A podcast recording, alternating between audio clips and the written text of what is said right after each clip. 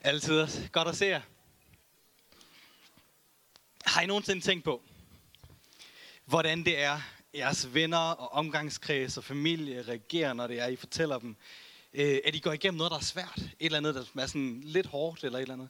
Så når jeg tænker på, hvordan reaktionerne er, ikke? der er mange, og sådan typisk inden for kristne kredse, så er det jo ofte sådan noget med, jeg beder for dig, og, og generelt så siger vi jo meget, jeg tænker på dig, og der er noget, jeg kan gøre, og alt sådan noget. Ikke?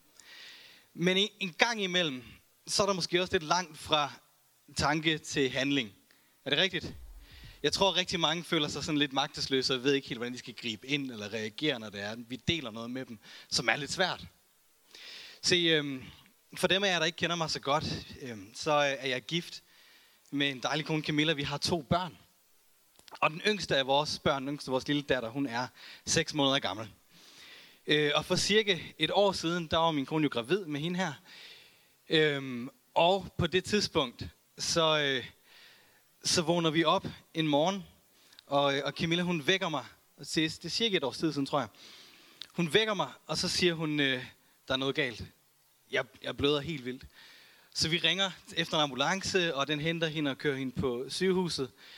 Øh, og jeg render rundt og tænker, hvad i verden er det, der er sket her? Fordi op til det her forløb, så har hun allerede haft en to-tre spontane aborter inden.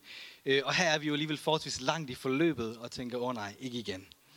Så, øh, så Camilla er kørt afsted, og jeg, øh, jeg er derhjemme sammen med vores ældste datter, så jeg kan ikke tage med med det samme, så jeg render rundt og tørrer blod op og prøver at få fat i mine forældre og skal øh, køre en tur til Vejle for at få hende passet dernede. Vores ældste datter kommer så tilbage igen og tilbringer dagen på sygehuset. Øh, og det lægerne fortæller os på det tidspunkt, det er, at min kone igen højst sandsynligt er ved at abortere. Øh, men de ved ikke så meget, så de laver nogle forskellige undersøgelser, og så siger de, vi må lige se tiden an. Så det bliver sen aften, og jeg tager hjem igen, men jeg når faktisk ikke at komme ret langt, før min telefon ringer, og Camilla siger, at lægerne er lige kommet ind. Og de har sagt, at hun skal nok indstille sig på, at hun kommer til at abortere i løbet af natten. Så derfor så flytter de hende til en anden stue, hvor der er plads til, at jeg også kan være der.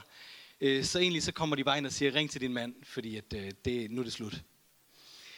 Og, og på det her tidspunkt, så har jeg brugt halvdelen af dagen bare på at rode igennem min bibel for at finde hvad som helst, der bare kunne være en lille opmundring. Ikke? Øh, og jeg tager op på sygehuset, og, og altså, kan I forestille jer, hvor meget jeg får sovet sådan en nat? Øhm, heldigvis, så går det helt fantastisk. Og jeg er overbevist om, at Gud han griber ind, fordi vi vågner morgenen efter, og de laver nogle flere undersøgelser. Øh, og med tiden så siger de, at det ser ud til, at babyen faktisk er okay. Og så sender de os hjem efter noget tid, og, øh, og de siger, sørg for, at Camilla holder sig i ro, hun må ikke lave noget, så hun skulle sådan set bare ligge vandret i et stykke tid efterfølgende. Og i den situation, der oplevede vi, øh, i virkeligheden er det bare en af mange, men vi oplevede i den grad, hvordan den her kirkefamilie stod sammen med os. Så vi oplevede, hvordan folk de skrev til os, som de skrev om, hvordan de bad for os. De skrev, øh, de, jamen, de skrev alverdens opmundringer til os. Og mere end det, så var der også rigtig mange, der tog handling på det. Der var rigtig, rigtig mange, som kom ud og besøgte os, som legede med vores ældste datter for at, at holde hende beskæftiget lidt, så vi kunne få lidt, lidt fred en gang imellem. Og der var rigtig, rigtig mange, som kom ud med aftensmad. Jeg tror 14 dage i streg var der nye mennesker, der kom ud hver dag med aftensmad til os. Ikke? Og i virkeligheden for mig, så var det et fantastisk eksempel på en kirke, som står sammen, ikke bare om tro, men også om handling. Efterfølgende er der jo også rigtig mange, som er kommet hen og fortalt os, jamen vi tænkte på jer øh, dengang og spørger, hvordan det er gået. Og så meget som vi sætter pris på det, så var jeg jo ikke klar over, at de tænkte på mig på det tidspunkt. Ikke? Så i virkeligheden har deres tanker været af bedste intentioner, de har været gode, men de har reelt ikke gjort nogen forskel for os. Det, der har gjort en forskel for os, det er dem, der rent faktisk har handlet. Jeg tror nogle gange, at vi skal være klar over, at vores tro er ikke bare en tro i tanke, men også en tro i handling. Se, vi har en øh, overskrift for, øh, for det her, den her næsten tema, der hedder en tro, der gør en forskel. Det her det er titlen på en prædikenserie, som starter i dag, og som kommer til at løbe hen over de næste, øh, de næste fire søndage også. Og det er en prædikenserie, som er skrevet over Jakobs brev i Bibelen. Jakobs brev er egentlig et relativt lille brev, hele Bibelen taget i betragtning. betragtning. Der er omkring fem kapitler. Det fylder ikke helt vildt meget. Men det er ret interessant. Til dels fordi, at det på nogle punkter måske er et lidt misforstået brev, og det vender vi tilbage til. Men i virkeligheden også på grund af, hvem der har skrevet det. Se, når man kigger titlerne igennem på de forskellige bøger i Bibelen, så det er faktisk, der er ikke sådan helt, de er ikke helt konsekvente omkring det, ikke? fordi så står der noget med Titus brev eller sådan noget, og så er det et brev til Titus i stedet for, og så står der Jakobs brev, og så er det et brev fra Jakob. Så man ved ikke helt, om det er forfatter eller modtager, eller hvad det er. Og jeg tror personligt, at når det er, at vi begynder at kigge på de her breve i Bibelen, så er det vigtigt, at vi forholder os til, hvem har skrevet det, og hvem er det rent faktisk skrevet til. Hvad for en kontekst er det skrevet ind i. Så det skal vi tage et lille kig på. Jakob. Jakob var et forbavsende populært navn øh, på den tid. Og der er faktisk, jeg, jeg ved ikke om det er helt op mod seks forskellige mennesker, der bliver nævnt i det nye testamente, som hedder Jakob. Øhm, ud af Jesu 12 disciple er der to af dem, der hedder Jakob. Men det er ikke nogen af dem, der har skrevet det her brev. Ham, som almindeligvis bliver anerkendt som forfatteren af det brev her, det er ingen anden end Jesu egen bror. Se, og allerede der, der burde det få os til at lige stoppe op og tænke en ekstra gang. Prøv, for, prøv at forestille jer at vokse op med en storebror, der hedder Jesus. Kan I forestille jer, hvordan det må have været? Ikke? Jakob han har tabt enhver diskussion om alt. Ikke? Ikke? Han har aldrig nogensinde fået ret i noget. Ikke? Hvis Jesus var det perfekte, skyldfrie menneske, ikke? prøv at forestille jer at skulle måle op til det. Når der er storebror, han kan alt. Han ved alt, han er alt. Nå. Ikke? Men i virkeligheden, så prøv at tænke, hvis nu det var, hvis du har søskende, hvis det var din bror eller søster, som kom hen til dig på et eller andet tidspunkt, eller hen til familien, samlede jer sammen, og jeg ved ikke, hvordan det foregår. Og så på et eller andet tidspunkt, så har sagt, øh, når jeg forresten, jeg er verdens frelser. Hvordan har du reageret på det? Jeg har en søster, og hvis hun havde fortalt mig, at hun var verdens frelser, så tror jeg, at jeg begyndte at google efter, hvor, hvor hun kunne få lidt hjælp hen. Ikke? Altså, hvad, hvad kan man gøre? Skal vi have noget counseling, eller skal hun indlægges, eller hvad er vi ude i her? Og i virkeligheden så står der faktisk ikke forfærdeligt meget om Jakob i Bibelen. I hvert fald ikke sådan, i, når man kigger op igennem evangelierne og, og Jesu opvækst. Og personligt så tror jeg det, fordi han har nok egentlig været ret skeptisk. Hvis det var mig, så havde jeg heller ikke været overbevist. Ikke? Altså, ja, det er så fint. Bibelen fortæller, os, at Jesus ikke var anerkendt i sin egen by, fordi folk kendte ham. De kendte hans forældre, de vidste, hvem han var, de havde set ham vokse op. Hvor meget tættere på har hans bror så ikke været? Og stod og tænkte, ja, den er god med dig, Jesus. Det snakker vi om en anden gang. Så i virkeligheden, så har han ikke nogen stor rolle op til, op til selve korsfæstelsen. Og så når vi frem til korsfæstelsen, hvor Jesus hænger på korset. Øh, og jeg forestiller mig, at Jakob han har stået et eller andet sted dernede i forsamlingen og set sin bror dø på et kors. Han har sørget med sin familie, med sin mor, med sin søskende. Og så er der et lille skriftsted, et enkelt sted, jeg tror det er Korinther, et første Korintherbrev et eller andet sted, som afslører for os, at Jakob faktisk så Jesus efter opstandelsen. Hvor vanvittigt må det have været at stå der, have set sin bror dø på korset, og så noget tid efter, så ser han ham igen i live. I det øjeblik, der tror jeg, det er gået op for Jakob, hvad det rent faktisk var, Jesus har talt om i al den tid her. Jeg tror, alle brikkerne pludselig var faldet på plads, og der gået op for ham, okay, måske var han ikke vanvittig, måske var han rent faktisk Guds søn. Og Jakob han tror så meget på det her, at han faktisk bliver en af de øverste ledere i den første, i den første kirke, det første kristne fællesskab i Jerusalem.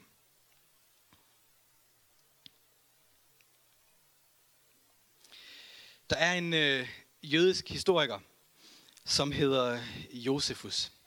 Og, øh, og han fortæller os lidt resten af historien, for Bibelen gør det faktisk ikke. Men han fortæller os ret, resten af historien om Jakob. Og grund til, at det er interessant, at det også er en uden for Bibelen, det er også, at Josefus er ikke kendt som en, der anerkendte Jesus som værende Guds søn. Så han har bare nedskrevet det, han så, og det, han hørte. Så Josefus, han skriver, at Jakob her, som leder for den første kirke, var utrolig vældigt altså jøderne kunne virkelig, virkelig godt lide ham. Og han, det gik så langt, han rent faktisk fik tilnavnet Jakob den retfærdige. Prøv at forestille jer at have det stående på jeres gravsten. Det kunne jeg godt tænke mig. Ikke? Når jeg dør engang, står der Kevin den retfærdige. Prøv at tænke på, hvad for et vanvittigt liv, man skal have levet, for at folk vil anerkende dig som værende den retfærdige. Der er jo ingen af os mennesker, der er perfekte. Ikke? Men tænk at give ham sådan en titel, og så sige, du er Jakob den retfærdige. Så han var simpelthen utrolig vældig. Af de fleste, der var nogle få, der ikke brød sig helt vildt om ham. Øh, og en af dem, som ikke brød sig om ham, det var ypperste præsten på det tidspunkt, jødernes ypperste præst. Så det er sådan, på det her tidspunkt, der er, øh, der er Jerusalem jo stadig under romersk besættelse. Og det vil sige, at jøderne har en leder, og det er deres ypperste præst, men han har reelt ikke nogen øh, beføjelser derover, altså militære beføjelser eller lovgivningsmæssige beføjelser. Så romerne har sendt en guvernør ud, som ligesom overser hele det område der. Og den her ypperste præst, han er tilhører en retning af jøderne, som hedder Sadukæer. Og de er kendt for, at de ikke tror på et liv efter døden. De tror ikke på himmel og helvede. Øh, og de tror da slet ikke på opstandelse. Så Jakob, som er fuldstændig overbevist om opstandelsen, fordi han har set sin egen bror i live igen, efter han døde. Han prædiker opstandelse, og ypperste præsten sidder og skumler og lægger planer for, hvordan han kan komme af med ham. På et tidspunkt omkring år 62, så sker der det, at guvernøren i det område, han dør. Og den her ypperste præst, han ser det som sin store chance. For der går noget tid, før Rom får sendt en ny, en ny guvernør ud til Jerusalem. Og i mellemtiden, så er ypperste præsten den øverste myndighed i byen. Så han tager fat i Jakob. Han anklager ham for at have brudt diverse jødiske love, for at have vandhældet templet, og hvad end han ellers skal finde på. Så samler han deres ældste råd, og så holder han en hurtig og i øvrigt også ulovlig retssag. Og øh, da han så er færdig med den her retssag, så bliver konklusionen, at de dømmer Jakob til døden. De tager ham med uden for byen, og så stener de ham simpelthen ihjel. Og som sagt, så var han utrolig vældig. Så da den nye guvernør kommer, så fortæller folket ham, hvad der er sket. Og øverste præsten bliver afsat, og der kommer en ny ind i stedet. Men ikke før, at det alligevel er for sent. Så i virkeligheden så ender Jakob sit liv, fordi han valgte at stoppe tro på, at hans egen bror var verdens frelser. At han var Guds søn. Og hvis du sidder og er måske er en lille smule skeptisk omkring kristendommen, så prøv at overveje en gang, hvor overvældende beviserne skulle have været, for at Jakob ville tro på, at hans bror rent faktisk også var hans frelser. Prøv at tænke på, hvor overvældende beviserne skulle have været, for at du ville tro på, at din bror eller søster var den person i dit liv. Ikke? Inden alt det her, der skriver Jakob så hans brev, Jakobs brev. Øh, det sker relativt tidligt, så det er et af de ældste breve, vi har fra det nye testamente. Og det er skrevet ikke til en kirke eller til en bestemt person, som mange af de andre breve er, men det er skrevet til alle de jødiske kristne. Han adresserer dem som værende de 12 stammer, så det er alle de jødiske kristne. Og det er sådan lidt et blandet bold til det her brev. Fordi han berører rigtig mange forskellige emner, men i virkeligheden så kan de måske summeres op til den overskrift, som vi har valgt at give det. En tro, der gør en forskel. Og for så at tage den videre, så er min titel for i dag, det er, at det tanken, der tæller. For, øh, for Jakob, han er nemlig en person, som lægger meget vægt på, at vi skal gøre godt, og vi skal vise vores tro i handling. Og det er det, jeg kommer til at tage lidt fat på nu her. Se, jeg tager fat i kapitel 2, øh, og så fra vers 14, og det er et af de skriftsteder, som jeg tror er blevet mest misfortolket fra Jakobs brev. Øh, jeg tror, det er sådan et skriftsted, som vi har brugt til nogle gange at fordømme os selv med, fordømme hinanden med. Jeg tror, det er sådan et skriftsted, vi har brugt til at en gang tvivle på, jamen har jeg virkelig forstået alt det her frelse rigtigt? Og problemet er nemlig, at hvis vi misforstår det, så bliver det en løftet pegefinger mod os selv og alle andre. Hvis vi forstår det rigtigt, så tror jeg, det bliver en motivation i stedet for. Og det er helst der, vi skal hen i dag. Så vi læser en, en 10 vers, øh, og I kan følge med på skærmen her. Hvad nytter det, mine brødre? Hvis et menneske siger, at han har tro, men ikke har gerninger, kan den tro måske frelse ham? Hvis en bror eller søster ikke har tøj at tage på og mangler det daglige brød, og en af jer så siger til dem, Gå bort med fred. Sørg for at klæde jer varmt på og spise godt. Men ikke giver dem, hvad lægemet har brug for. Hvad nytter det så? Sådan er det også med troen. I sig selv uden gerninger er den død. Nogen vil indvende, en har tro, en anden har gerninger. Vis mig da din tro uden gerninger, så skal jeg med mine gerninger vise dig min tro. Du tror, at Gud er en. Det gør du ret i. Det tror de onde ånder også. Og de skælver. Tåbelige menneske. Ønsker du bevis på, at tro uden gerninger er ufrugtbar? Blev fader Abraham ikke gjort retfærdig af gerninger, da han bragte sin søn Isak som offer på alderet? Som du ser, virkede troen sammen med hans gerninger, og det var gerningerne, hans tro, og det var af gerningerne, hans tro blev fuldkommen. Dermed gik det skriftord i opfyldelse, som lyder, Abraham troede Gud, og det blev regnet ham til retfærdighed. Og han blev kaldt Guds ven. I ser altså, at mennesket blev gjort retfærdig af gerninger, og ikke af tro alene.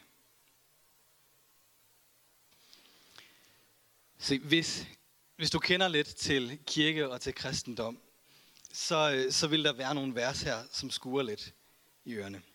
For eksempel, I ser altså, at mennesket bliver gjort retfærdigt af gerninger, og ikke af tro alene. Fordi i virkeligheden, så er det modsat alt, hvad, også hvad vi i kirken her prædiker, når vi prædiker omkring vores retfærdighed. Øh, og jeg tror, at man skal forstå det her i den rigtige rækkefølge.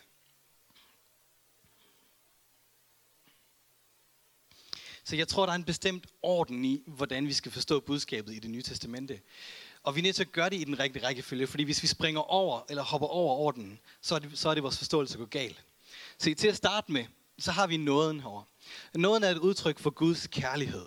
Og Johnny var allerede under barnevelsignelsen inde på det. Det er et udtryk for Guds kærlighed. Det er et udtryk for, hvor meget han elsker os. Han elsker os hver og en. Det er en åbenbaring om, at den kærlighed blev til, at Jesus kom til jorden som menneske for os. Og tog vores skyld, vores straf på korset. Ud af den åbenbaring, der kommer så en tro. Og Bibelen beskriver tro som en fast, en tillid til, til det, der håbes på, og en fast overbevisning om det, der ikke kan ses. Så ud af en åbenbaring omkring nåden, omkring hvad Jesus har gjort for os, der kommer der en tillid fra os til Gud. Og med den tillid, der hører gerninger til. For som jeg ser det, så kan vi ikke adskille tro og gerninger. De to ting kan ikke skilles fra hinanden. Så der, hvor vi nogle gange oplever et disconnect mellem tro og gerninger, der tror jeg, det hænger sammen med en manglende forståelse for nåden. Se, hvis kristendommen kommer fra kultur og ikke fra kærlighed, så vil vi opleve, at det går galt, når vi når over til gerningerne. Hvis kristendommen kommer fra opvækst og ikke fra overbevisning, så vil vi opleve, at det går galt. Fordi så er det, at vi springer hele nådes perspektiv over og hopper direkte ind i gerningerne. Og så bliver vores tro en præstationstro, hvor vi skal præstere noget for at være gode nok over for Gud, hvor vi skal præstere noget over for hinanden for at bevise, at vi rent faktisk tror. Og der går det galt. Fordi når vi gør det, så bliver vores tro til du må ikke, og du skal ikke, og du skal, og du må, og alle de her forskellige regler, som vi stiller op for os selv, og så er det netop, at kristendom og vores, det, der skulle have været en relation, bliver til religion i stedet for. Derfor så er vi nødt til at starte ved nåden. Og jeg er overbevist om, at hvis vi forstår, hvis vi forstår den rigtigt, så giver resten sig selv. Og det nåden siger, det er, at vi ikke kan gøre os fortjent til at være retfærdige over for Gud. Vi kan ikke gøre os fortjent til frelse. Vi kan ikke gøre os fortjent til Guds kærlighed og accept. Fordi hvis man kunne det, så var vi nødt til at sætte et mål op for, hvornår nok er nok. Vi er nødt til at sætte et mål op for, hvornår vi så har gjort tilstrækkeligt for at være accepteret. Og der vil vi alle sammen, hver og en, komme til kort, og så kan vi lige så godt give op og gå hjem og lægge os. Og så vil vi aldrig nogensinde lykkes. Og det er derfor, det nye testamente gør så utrolig meget ud af at slå helt fast, at det, der gør os til Guds børn, det er vores tro på Jesus Kristus, og vores accept af den gave, han har givet os. Og i virkeligheden så er det måske også en af kerneforskellene mellem kristendom, mellem det vi tror på, og så mange andre trosretninger, hvor man prøver at nå Gud, og det vi siger, det er, at Gud han elskede os så meget, at han rakte ud til os i stedet for. Det er det, vi kalder nåden. Det er fuldstændig ufortjent. Det er fuldstændig fantastisk. Og det betyder også, at mine handlinger, enten de er gode eller dårlige, kommer ikke til at ændre på Guds billede af mig. Prøv at overveje det en gang. Det betyder, at lige nu, så kan du rejse dig op, så kan du gå hjem, Du kan lægge dig i din sofa, og resten af dit liv behøver du aldrig at gøre noget godt for nogen nogensinde. Aldrig. Du kunne være så egoistisk, som du har lyst til. Og det vil ikke ændre det mindste på, hvor meget Gud han elsker dig. Han vil ikke elske dig hverken mere eller mindre, end han elsker elskede mor Teresa eller enhver anden, som måske, som vi vil anse som værende mennesker, der dedikerede deres liv til at tjene andre. Du kunne gøre hvad som helst. Og det er jo virkelig også hemmeligheden i det, Johnny sagde tidligere. At vores skyld, vores sønder, vores retfærdighed, den er givet os. Både for alt det, vi har gjort tidligere, og det, vi kommer til at gøre fremover os. Er det ikke fantastisk? Er det ikke gode nyheder? At du og jeg ikke skal forsøge at gøre os fortjent til noget som helst. Og i virkeligheden, så kan vi lukke hele kapitlet med noget der, for der er ikke noget men, der er ikke nogen tilføjelser. Det er bare sådan, det er. Vi skal ikke gøre os fortjent til det. Og så når vi til Jakob og til Jakobs brev. Og nogle af de her, for os måske lidt kontroversielle vers. Og hvis vi starter her fra toppen igen. Hvad nytter det, mine brødre, hvis et menneske siger, at han har tro, men ikke har gerninger?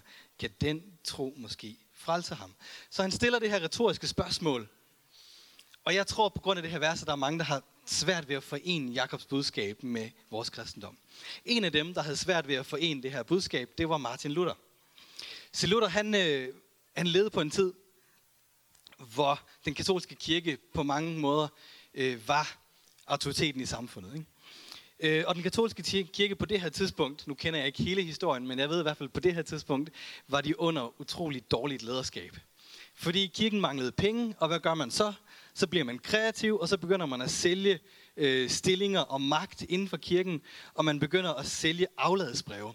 Så man siger simpelthen, ved I hvad, i kan bare I kan leve, som I har lyst til, gør hvad I vil, så kan I komme, og så kan I købe jer til retfærdighed øh, hos os. Så I betaler nogle penge, og så sørger vi for, at øh, I er okay over for Gud.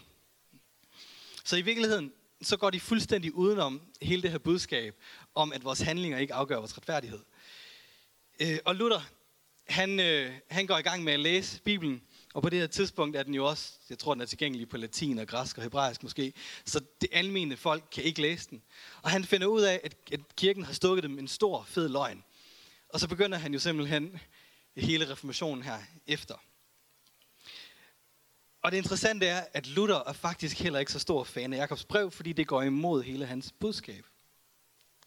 Men måske er det også fordi, at Luther, ligesom vi gør det, når vi tænker på ordet frelse, tænker på livet efter døden. Vi tænker på evighed og frelse i den relation.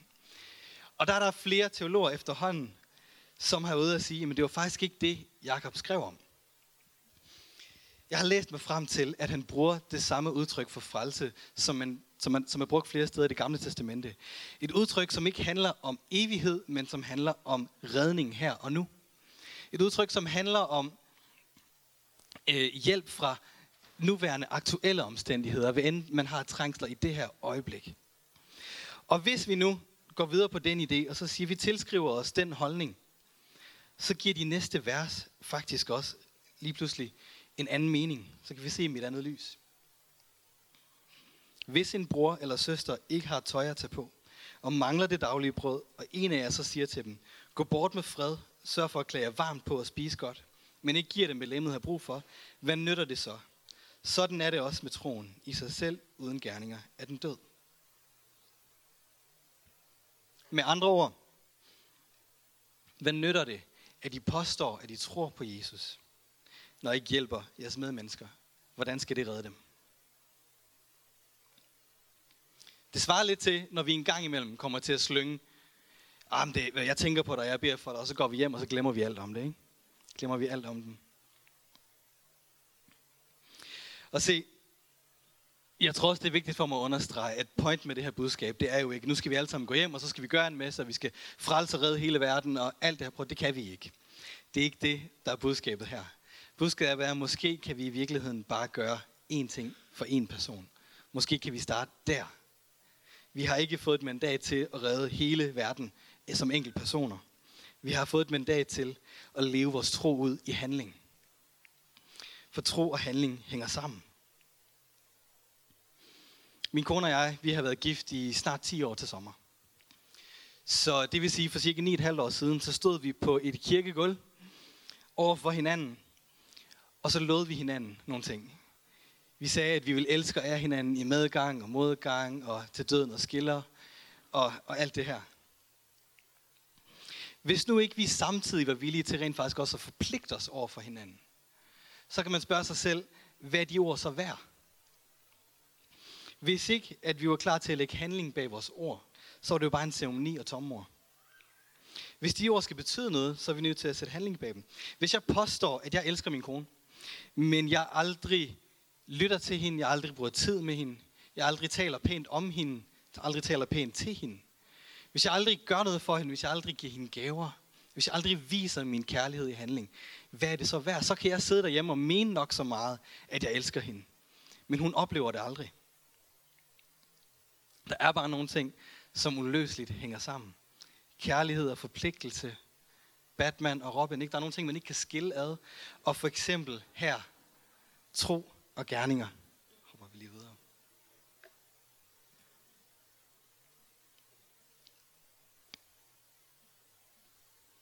Hvis det er, at vi prøver at skille vores tro ad fra vores gerninger, så er det, Jakob kalder den død og værdiløs. Og min påstand er, at hvis det er, at du oplever et eller andet disconnect hos dig mellem tro og gerninger, så er det ikke gerningerne, du skal sætte ind på. Fordi det starter et andet sted. Så er det herover. Det er der, du sætter ind først. Fordi du har brug for at få en rigtig forståelse af nåden og din tro. Og når den er i hus, så følger gerningerne efter.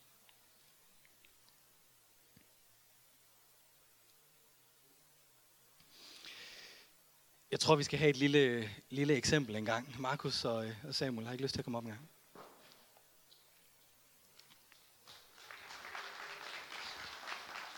Se, Markus og Samuel her, de er brødre, øh, og det er faktisk også lidt derfor, jeg har valgt, at de lige kommer op og skal illustrere en pointe for mig. Fordi det betyder, at vi ved reelt helt ikke, hvordan det kommer til at gå. Ikke? Så hvis I træder en lille smule frem ind i lyset, stiller jeg med siden til salen. og hvis du vender dig rundt en gang, sådan her, kigger den anden vej, så er vi der. Altid os. Se, det der skal ske nu, det er, at øh, vi skal have et lille trust fall på scenen. Ikke? Øh, og, og til at starte med, inden vi gør det her. Inden vi gør det her. Jeg kan godt se, at I er klar. Samuel er lidt i tvivl om, hvordan det kommer til at gå, det her, kan jeg se. Men inden det, så spørger vi lige Samuel, har du tillid til, at Markus griber dig, hvis du lader dig falde? Øhm, ja. Jeg ved ikke helt, om jeg er overbevist, men jeg er glad for, at du sagde ja, fordi hvis du havde sagt nej, så er hele pointen med det her faldt helt til jorden. Så, øh, så du siger ja. Men han tøver også lidt. Så for os, hvad er så beviset på, at han rent faktisk mener det, han siger?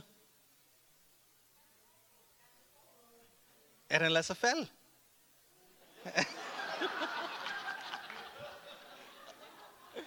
Giv det et forsøg.